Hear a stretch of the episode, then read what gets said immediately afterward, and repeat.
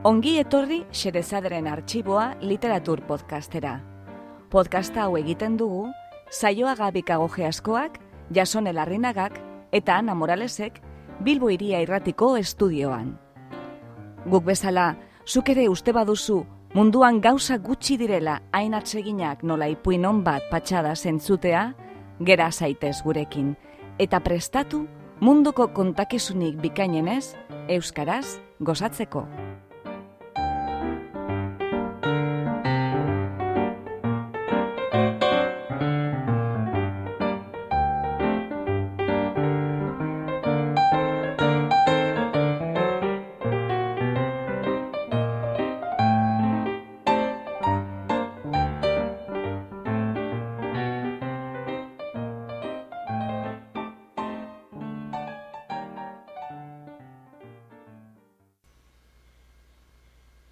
Gaur, xerezaderen artxiboan, gide mopasanen, menuet eta gaua.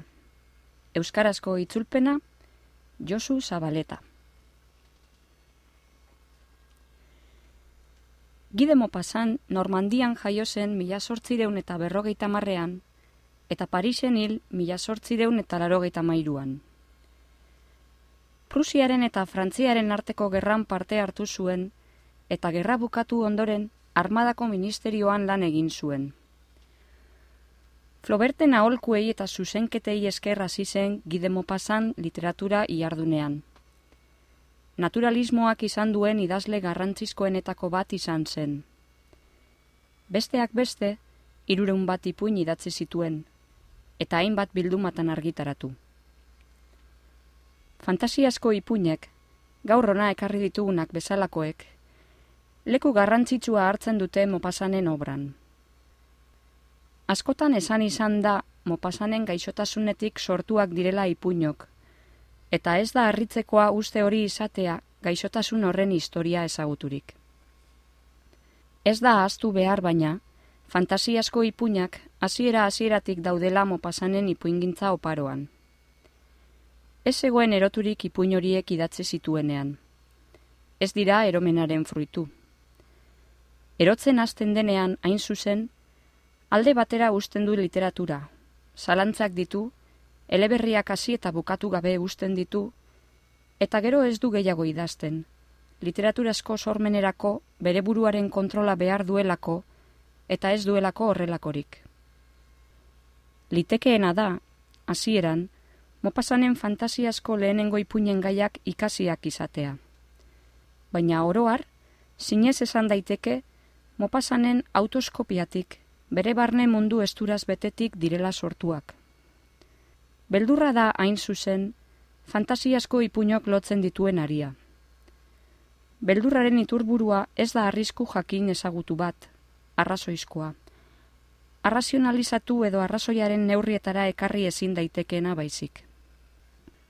Mopasanen ipuñetan gauak eta bakardadeak prestatzen dituzte fantasiasko mundua sortzeko baldintzak. Orduan aski da ustekabeko gertaera bat, zentzumenen utxegite bat, arrazoimena zalantzatan sardadin, kontaera mundu arrotz itomeneskoan sardadin. Fantasiasko literatura klasikoan ez bezala, mopasanen historietan ez da naturaz gaindiko inguruneren beharrik. Fantasiasko mundua errealitatean txertatuta dago guztiz, eta horresek egiten du hain zuzen, sinesgarriago eta kezkagarriago. Zentzumenen utxegite batetik etor daitekeen beldurrari, izu laborriak eta eromenak jarraitzen dio, ezin geratuzko zurrunbilo batean. Menuet. Paul Bourgeati Sori gaitzan diek ez nauteia bat ere tristatzen, esan zuen Jean Bridel, sinez gogortzat hartua zegoen mutilzarrak oso hurbiletik ikusia dut gerra. Bat ere gupidarik gabe igarotzen nintzen gorpuen gainetik. Izadiaren edo gizonen ankerkeria bortitzek lastura eta sumindura eragin dezakete. Baina ez dizute eragiten gauzatxo etxigarri batzuk ikustean, bizkarrean eragiten dizun oskirri hori. Izan daitekeen oinazerik bortitzena, ama batek aurra galtzea, edo gizon batek ama galtzea da, dudarik gabe. Hori gauza bortitza da, ikaragarria. Horrek azpikoz gora jartzen zaitu, urratu egiten zaitu. Baina ondamen horietatik sendatu egiten zara, odol zaurietatik bezala. Hain zuzen ere, badira topaketa batzuk, ikusi ez ikusi sumatzen ditugun gauza batzuk, atxekabe sekretu batzuk, soriaren okertze batzuk, gure baitan gogo eta mundu mingarri bat eragiten dutenak. Gure aurrean bapatean sufrimendu moralaren ate misterioskoa zabaltzen digutenak. Oinase moral korapilatuak, senda ezinak, aresako nagoak harinak baitiru dite. Are erreagoak ia ezina txikizkoak baitiru dite. Are zitalagoak gezurrezkoak baitiru dite alako tristura hildo bat usten digutenak ariman, alako garrastasun santzu bat, alako etximen bat, luzarora baizik ezinken dezakeguna. Nik baditut beti begien aurrean bizpairu gauza beste zenbaitek ziurraski erreparatu ere egingo ez lituzketenak. Baina nire baitan ziztada luze mehezen da ezinak balira bezala sartu zaizkidanak. Zuk ez didazu ulertzen behar bada sentimen bizkor horietatik geratu zaidan zirrara. Bat kontatuko dizut, besterik ez. Oso zaharra da, baina atzokoa balitz bezain bizia. Baliteke nire samurtze honen errudun, nire irudimena baizik ez izatea. Berrogeita marrurte ditut. Karai hartan gazten nintzen, eta zuzen bide ikasketak ari nintzen egiten. Triste samarra, ameslari xamarra. Malenkoni asko filosofia batez beratua nintzen. Ez nituen atsegin ez kafetegi zaratatxuak, ez lagun oiulariak, ez neskatuntunak. Goiz jaikitzen nintzen. Eta goizeko sortziak aldera Luxemburgeko mintegian bakarrik paseatzea nuen nire gozamenik handienetako bat. Ez alduzu ezagutu zuek mintegiura, beste mende batetik ahaztuta utzitako lorategi bat bezala zen. Atxo zahar baten irribarre gozoa bezalako lorategi polita. Ezi ostotxuz bereitziak ziren bide estu ordenatuak, bide bareak, zehazki eta arau zinauzitako bi horma ostotxuren artean. Lorategi zainaren aiot zorrotzak etengabe esartzen zituen lerroan adarritxitura haiek. Eta zabalgune zabalgune, lore multzoak aurkitzen ziren, edo zuaizka zerrendak ibilaldi bat egiten ari diren eskola umeak bezala zerrendan jarriak, arroza landare bikainak edo fruitu arbolasko erregimentuak. Basotxo zoragarri horren basterroso batean erleak bizi ziren. Haien lastosko etxe oletan zentzuz zabalduek, eguzki aldera irekirik zituzten bere atetitare baten tamainakoak. Eta bide guztietan barrena aurkitzen ziren somorro burrumbari urrekoloreko horiek, baketegiaren egiazko jabeak, ibilbide eta zidorraietako egiazko pasealariak. Ia goizero joaten nintzenara. Aulki batean eseri eta irakurri egiten nuen. Batzuetan, hala ere, liburua belaunetara erortzen utzi eta ametsetan hasten nintzen, nire inguruan Paris bizitzen entzuteko, eta antzinako erako ostapeaietan amaigabeko atxeden bat hartzeko baina bere alau hartu nintzen, ez nintzela lekuaietara langa zabaltzen zutenetik bertatik joaten zen bakarra. Eta aldian behin, aguretxo berezi bat topatzen nuen aurrez aurre, lore multzo baten ertzean. Zilarrezko belarri du noinetakoak erabiltzen zituen. Galtza bularreko dunak. Lebita tabako kolorea, Espainiako modura. Farfaila zerrenda bat gorbata gisa, Ileruseko kapelu gris egal zabal bat euritea gogora ekartzen zuena. Iarra zen, oso iarra, ez urtsua, kenukaria eta irribarretsua. Haren begi biziek betazalen mugimendu etengabe baten azpian taupadaka egiten zuten dardaraz. Eta urrezko kirtendun eskumakila bikain bat zuen beti aldean. Beretzat inondik ere, oroitzapen zoragarriren bat zekarkiona. Agure ark harritu egin ninduen hasieran. Gero, neurriz goitiko jakingura piztu zidan. Eta ustozko hormetatik zehar zelatatzen nuen, eta urrundik jarraitzen nion, ikusez nintzan basotxoen ertzean geldituz. Eta horra non, goiz batean, bere ustez bakarrik zegoela, mugimendu bitxi batzuk egiten hasi zen. Jausitxo batzuk hasieran, gero erreberentzia bat. Ondoren dantzak gurutzatu oraindik aski bizi bat dantzatu zuen bere hankama inguaz. Gero jiraka hasi zen galaiki, salto txoka. Modu harrigarri batean igituz. Bere txotxongilo gorputsumeak iribilkatuz. Aurre utxera agur samurgarri eta irrigarriak eginez. Dantzan ari zen. Arriduraz zurturik geratu nintzen, bietan nor zen soro neure buruari galdetuz. Ura, alani. Baina bapatean gelditu zen. Antzeslaria antzeslekuan bezala aurreratu zen, makurtu zen, eta irribarre sotilak egiten zituen, eta musuak botatzen antzeslarien gisa. Bere esku ikaratiaz, zuaitzin jauzizko bilaretarantz. Eta seriotasun handiz, hasi zuen berriro bere pasea bidea. Egun horretatik aurrera, ez nion gehiago begiak endu. Eta goizero goizero ekiten zion berriro bere ariketa funtzik gabekoari. Arekin hitz egiteko gogoero bat sartu zitzaidan. Arriskatu nintzen, eta dios aleginek esan nion. Eguraldi hona dugu gaur jauna. Makurtu egin zen. Bai jauna, garai bateko eguraldion egiazkoa hain zuzen. Handik sortzi egunera, adiskide eginak ginen. Eta haren historia ezagutu nuen. Dantza irakasle izana zen operan, Luis Amabosgarrenaren garaian. Eskumakila bikainura, Clermonteko kondearen oparia zuen. Eta dantza aipatzen zitzaionean, ez zuen itzjarioa eteten. Ona zer kontatu zidan egun batean. Nik astrizekin eskondu nintzen jauna, Egingo dizutaren ezaguera nahi baduzu, baina oso noizean behin baizik ez da etortzen ona. Lorategi hau dugu gure atsegina eta gure bizitza. Hauze dugu lehenagoko garaietatik geratzen zaigun gauza bakarra. Iruditzen zaigu, hau ez bagenu, ezingo ginatekela bizi. Sarra eta dotorea da ez da. Nire gaztarotik esertan aldatu ez den giro bat arnazten dudala iruditzen zaitemen. Emasteak eta biok arratselde guztiak igaratzen ditugu hemen. Ni ordea, goizetik etortzen naiz. Oso goiz jaikitzen naiz eta. Baskaldu nuen bezain laster, Luxemburgeko lorategira itzuli nintzen. Eta bere ala ikusi nuen nirea dizkidea, amonatxo beltzez jantzi bati besoa emanez, eta arengana orkestu ninduen.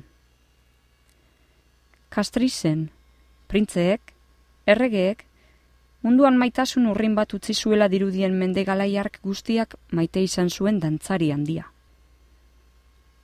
Arrisko olki batean eseri ginen, maiatza zen.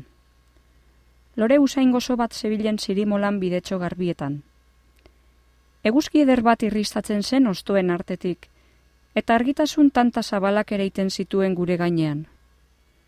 Kastrizen jantzi beltzak argitasunez blai zirudien lorategia utzik zegoen.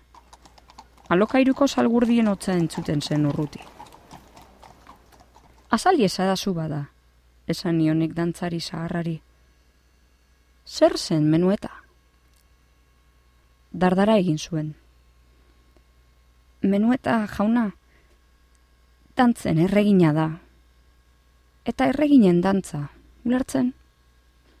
Erregerik ez denez gero, menuetik ez da. Eta bat ere ulertu ez nion goraipamen ditiran biko luze bat hasi zuen izkera anpurutsu batez. Pausuak, mugimendu guztiak, jarrerak asaltzeko eskatu nion. Nahaztu egiten zen, bere zintasunean zuturik, urduri eta naigabeturik.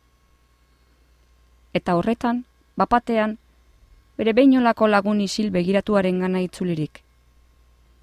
Elisa, nahi alduzu arren, nahi alduzu, egingo aldi da zu mesede, nahi alduzu jaunoni menueta zer zen erakutz egun?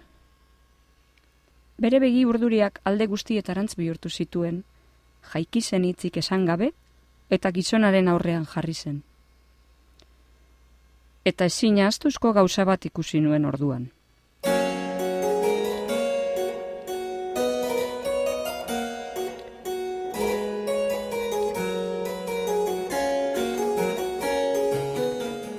Aurren milikeriak eginez zebiltzan ara ona. Elkarri irribarre egiten zioten. Balantza egiten zuten, makurtzen, jauziak egiten, antzinako mekanika apurtu samarren batek, peinola trebesi handiko langileren batek bere garaiko modura eginak, dantzarazten zituen bi panpina zahar bailiran. Eta bihotza sentimen bereziz astoratua nuela, harima melankolia esan ezinezko baten zirrarapean nuela nengokien begira.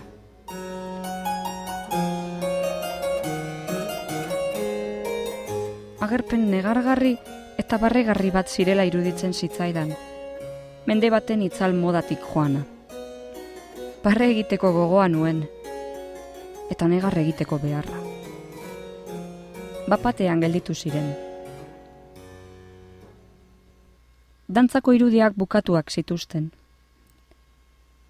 Zenbait segundo zutik geratu ziren, bata bestearen aurrean, modu harrigarri bateko keinuak eginez.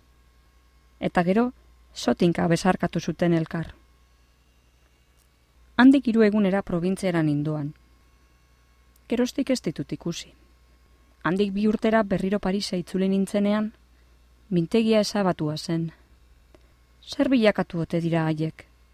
Beren beinolako lorategi maitatura, bere labirinto bideekin, bere antzinako urrinarekin eta bere biurguneetako ostapeaiekin, dena galduta. Hilikote dira. Kale modernoetan ote dabiltza, ara ona. Esperantzarik gabeko erbesteratuak bailiran. Menuet fantastikoren bat dantzatzen ari ote dira. Argi mutil espektro, hilerriren bateko altzifreen artean, bide hilobi zinguratuetan zehar ilargiaren argitan. Haien oroitzapenak sorgindurik nauka, harrapaturik nauka. Zauri bat bezala dut nire baitan. Zergatik? Ez dakit. Barregarri irudituko zaizue hau guztia, ezta? Gaua. Amez gaiztua.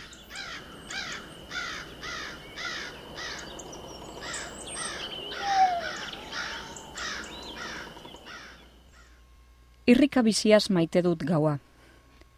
Nork bere herria edo maitalea maitatzen duen bezara zen maite dut. Holdezko maitasun sakon mendera ezin batez. Nire zentzu guztiez maite dut, begiez, haiek baitute ikusten. Usaimenaz, arku zaintzen baitu. Belarriez, haiek entzuten baitute haren isiltasuna. Nire aragi guztiaz, ilunpeak lastantzen baititu. Enarak eguzkitan, goiz argietako aire urdinean, aire beroan, aire harinean kantatzen du.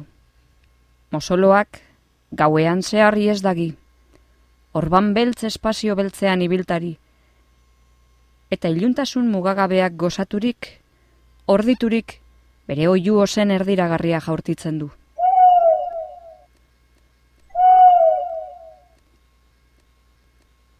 Egunak nekatu eta aspertu egiten nau. Sakarra da, eta zaratatxua. Nekez jaikitzen naiz, nagi jantzten, damuz naiz irteten, eta pauso bakoitzak, mugimendu bakoitzak, keinu bakoitzak, hitz bakoitzak, pentsamendu bakoitzak, karga lehergarri bat jasotzen ari banintz bezalaxe unatzen nau. Eguzkia beheratzen denean ordea, alako poz lauso batek nire gorputz osoaren poz batek hartzen nau.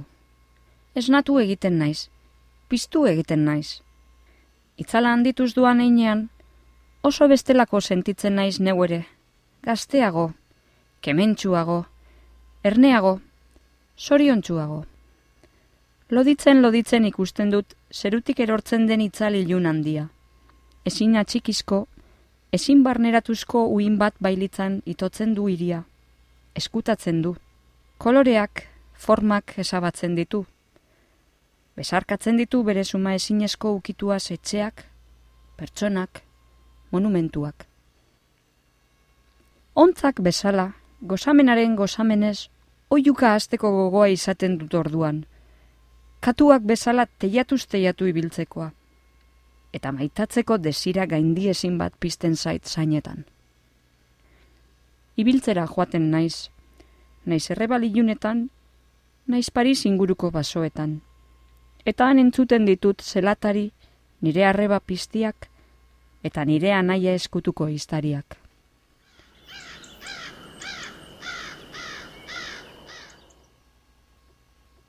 Oldez maite den guztiak, hile egiten zaitu azkenean. Nola azaldu ordea zer ari zaidan gertatzen? Nola ulertarazi konta dala ere? Ez dakit. Ez dakit.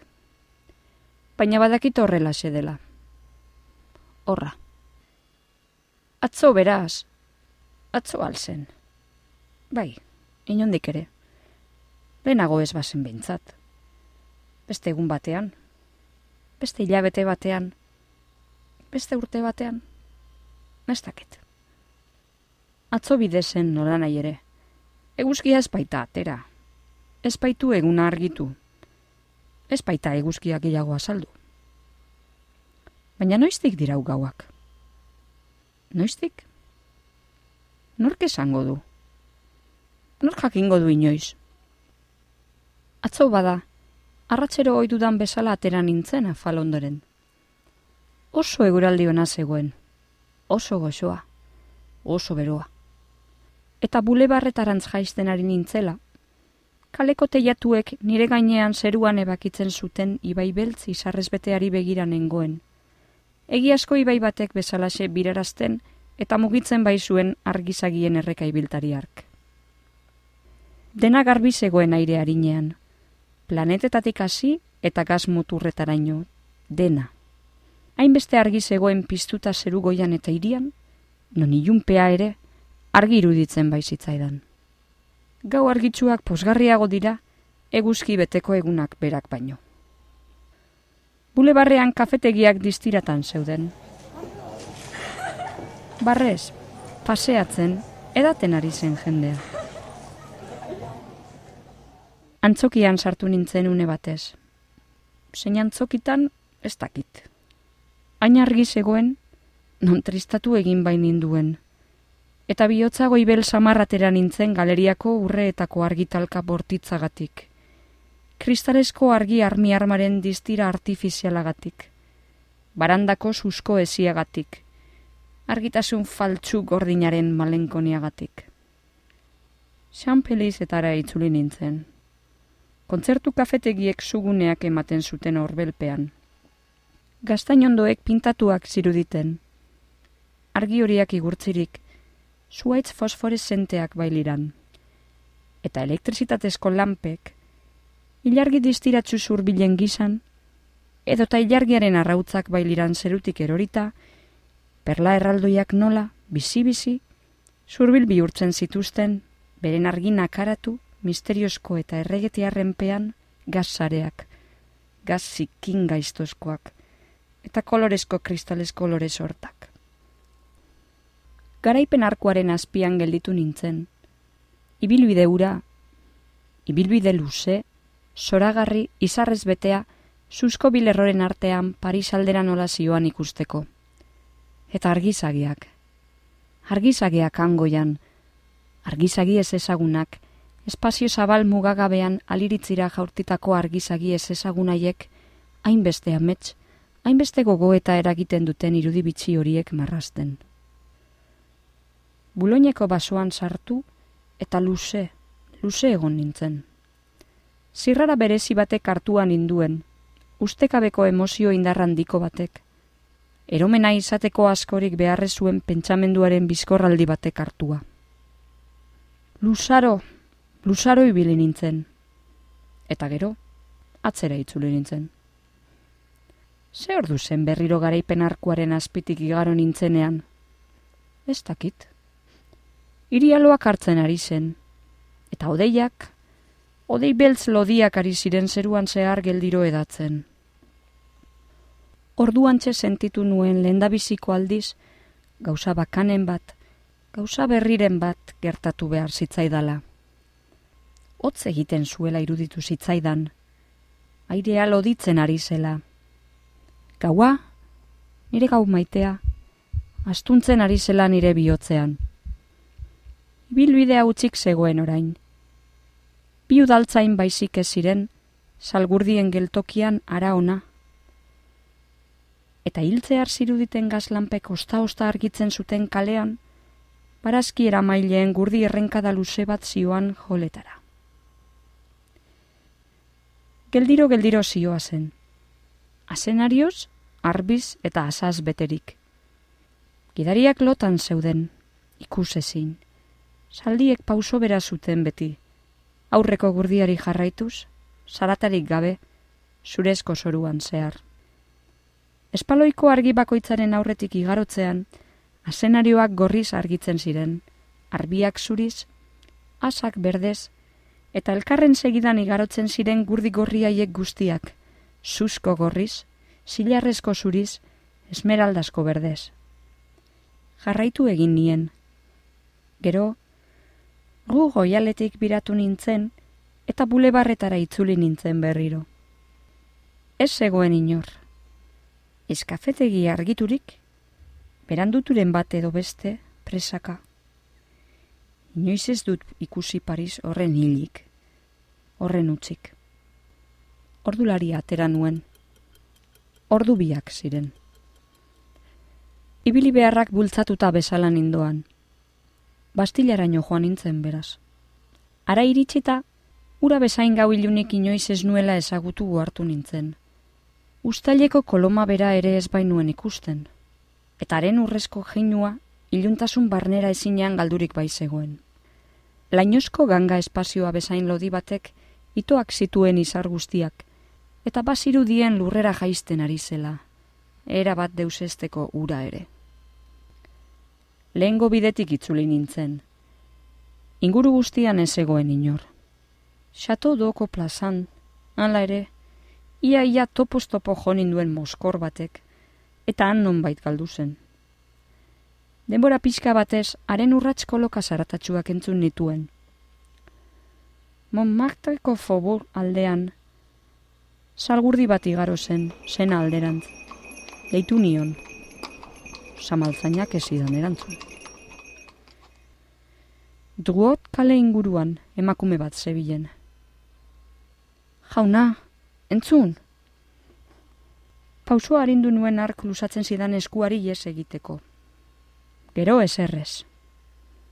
Bodebil aurrean, trapu biltzaile bat espaloi basterrak miatzen. Haren linternatxoa soru ondo ondoan zebilen. Ze ordu dugu adizkidea? Galdetu nion. Nik aldakit, erlojurik ez dut, jaurti zidan porrustaka. Bapatean ohartu nintzen gazargiak itzalita zeudela. Badakit goizitzaltzen dituztena eguna argitu aurretik urtaro honetan. Baina eguna argitzea urruti zegoen oraindik, oso urruti. Ea, noan joletara, pentsatu nuen. Hanbeintzat bizi errastoren bat izango da eta. Eta arantzabiatu nintzen, baina ibiltzeko lain ere ez nuen ikusten. Geldiro nindoan, basoan ibilioiden bezala, kaleak kontatuz eta zein ziren gogoratuz. Kredit lione aurrean, zakur batek zaunka egin zuen. Ramon kaletik hartu nuen, galdu egin nintzen. Nora ezean ibili nintzen puska batean. Gero, inguruan duen burdin esiagatik burtsa ezagutu nuen. Paris lotan zegoen oso osorik. Losakon beldurgarri batean. Urrutiko lekuren batean alare, salgurdi bat zebilen, bat bakarra. Lehentxo nire aurretik igaroa agian. Ura harrapatzen alegindu nintzen, haren gurpilen hotza zetorren aldera jarraituz. Kale bakarti beltz beltzetan, eriotza bezain beltzetan zehar. Berriro galdu nintzen. Non otenengoen, Nori bururatzen saioka sargiak horren goiz itzaltzea. Ez da uniesko bat ere, ez da berandutu bat ere, zeratari bat, ez hogara dagoen katuaren miaurik, zerrez. Non zeuden bada udaltzainak? Nire artean pentsatu nuen. Oiu egingo diet eta salduko dira. Oiu egin nuen. Inorkesidan erantzun. Oso zen ari nintzen deika. Nire hotza oi hartzunik gabe joan zen egan, haul. Gauak, gau barrendu ezin arkitoa, mazpildua. Garrasika hasi nintzen. Lagundu! Lagundu! Lagundu!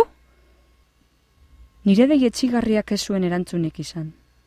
Ze ordu zen bada. Atera nuen ordularia, baina pospolorik ez nuen, Ezagutzen ez nuen bezalako pos harrigarri batez entzun nuenaren mekanika xumearen tik-takotza. Pasirudien bizirik zela. Ez nengoen horren bakarrik. Ura misterioa.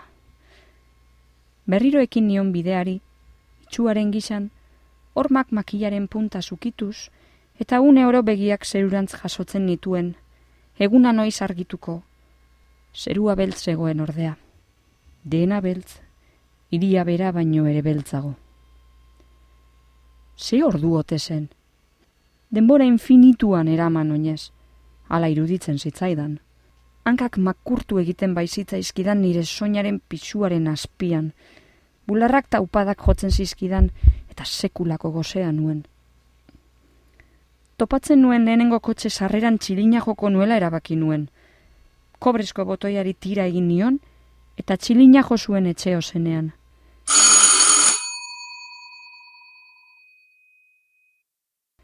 Modu berezian jo zuen, etxean otso zen ura baizik ez balego bezala. Zain egon nintzen, ez zuten erantzun, ez zuten atea zabaldu, berriro jo nuen. Berriro egon nintzen zain, ez errez, beldurtu egin nintzen. Urrengo etxe bizitzara joan nintzen lasterka, eta hogei aldiz jo nuen txilina atesainak lotan egon beharko zuken pasabide iunean, baina esen ez natu. Eta aurrerago jarraitu nuen, ateetako erastunetatik edo botoietatik nire indar guztia estiraka, zabaldu nahi ez zuten ateaiek ostikos, makillas, esku eskolpatuz. Eta usterik gutxienean, holetara iristen ari nintzela hartu nintzen.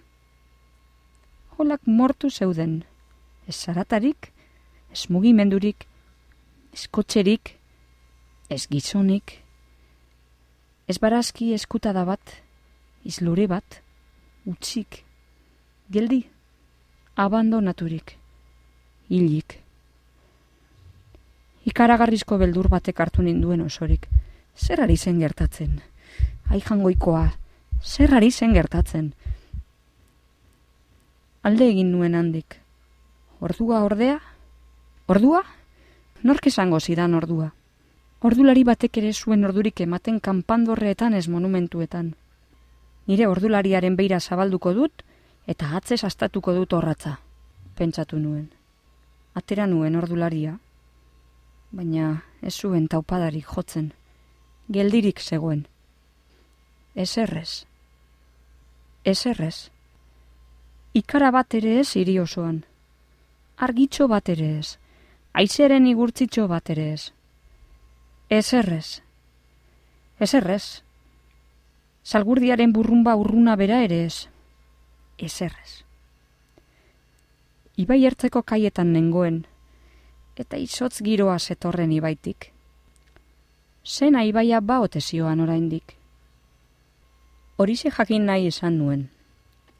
Eskailera topatu nuen, jaitsi nintzen. Ez nuen entzuten ibaiko ura subiko arkupean borborka. Eskailera maila gehiago. Gero ondarra, lokatza, gero ura. Besoa busti nuen, base bilen, basioan. Otz, otz, otz, ia izosturik ia agorturik, ia hilik. Eta ongi konturatzen nintzen, ez nuela berriro gora igotzeko indarrik izango. Eta antxe hilko nintzela. Ni ere, gozez, nekez eta hotzez.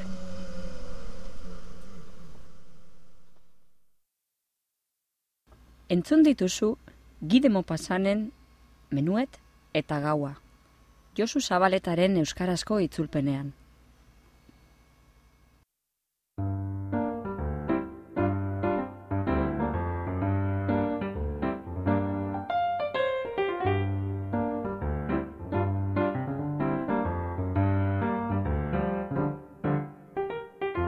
Xerezaderen artxiboko beste atal bat entzun duzu. Gure doinoa da, Charleston Behind the Attic Door, Dance of the Wind taldearena. Efektuak freesoundetik hartuak dira. Iru ubebikoitz, puntua, freesound, puntua, org. Podcast hau egiten dugu, saioa gabikago geaskoak, jasone larrinagak eta Ana Moralesek Bilbo iria irratiko estudioan. Mila esker gurera hurbiltzeagatik. Gustora egon bazara, etorri urrengo batean berriz ere, xedezaderen artxiboa literatur podcastera. Laster arte!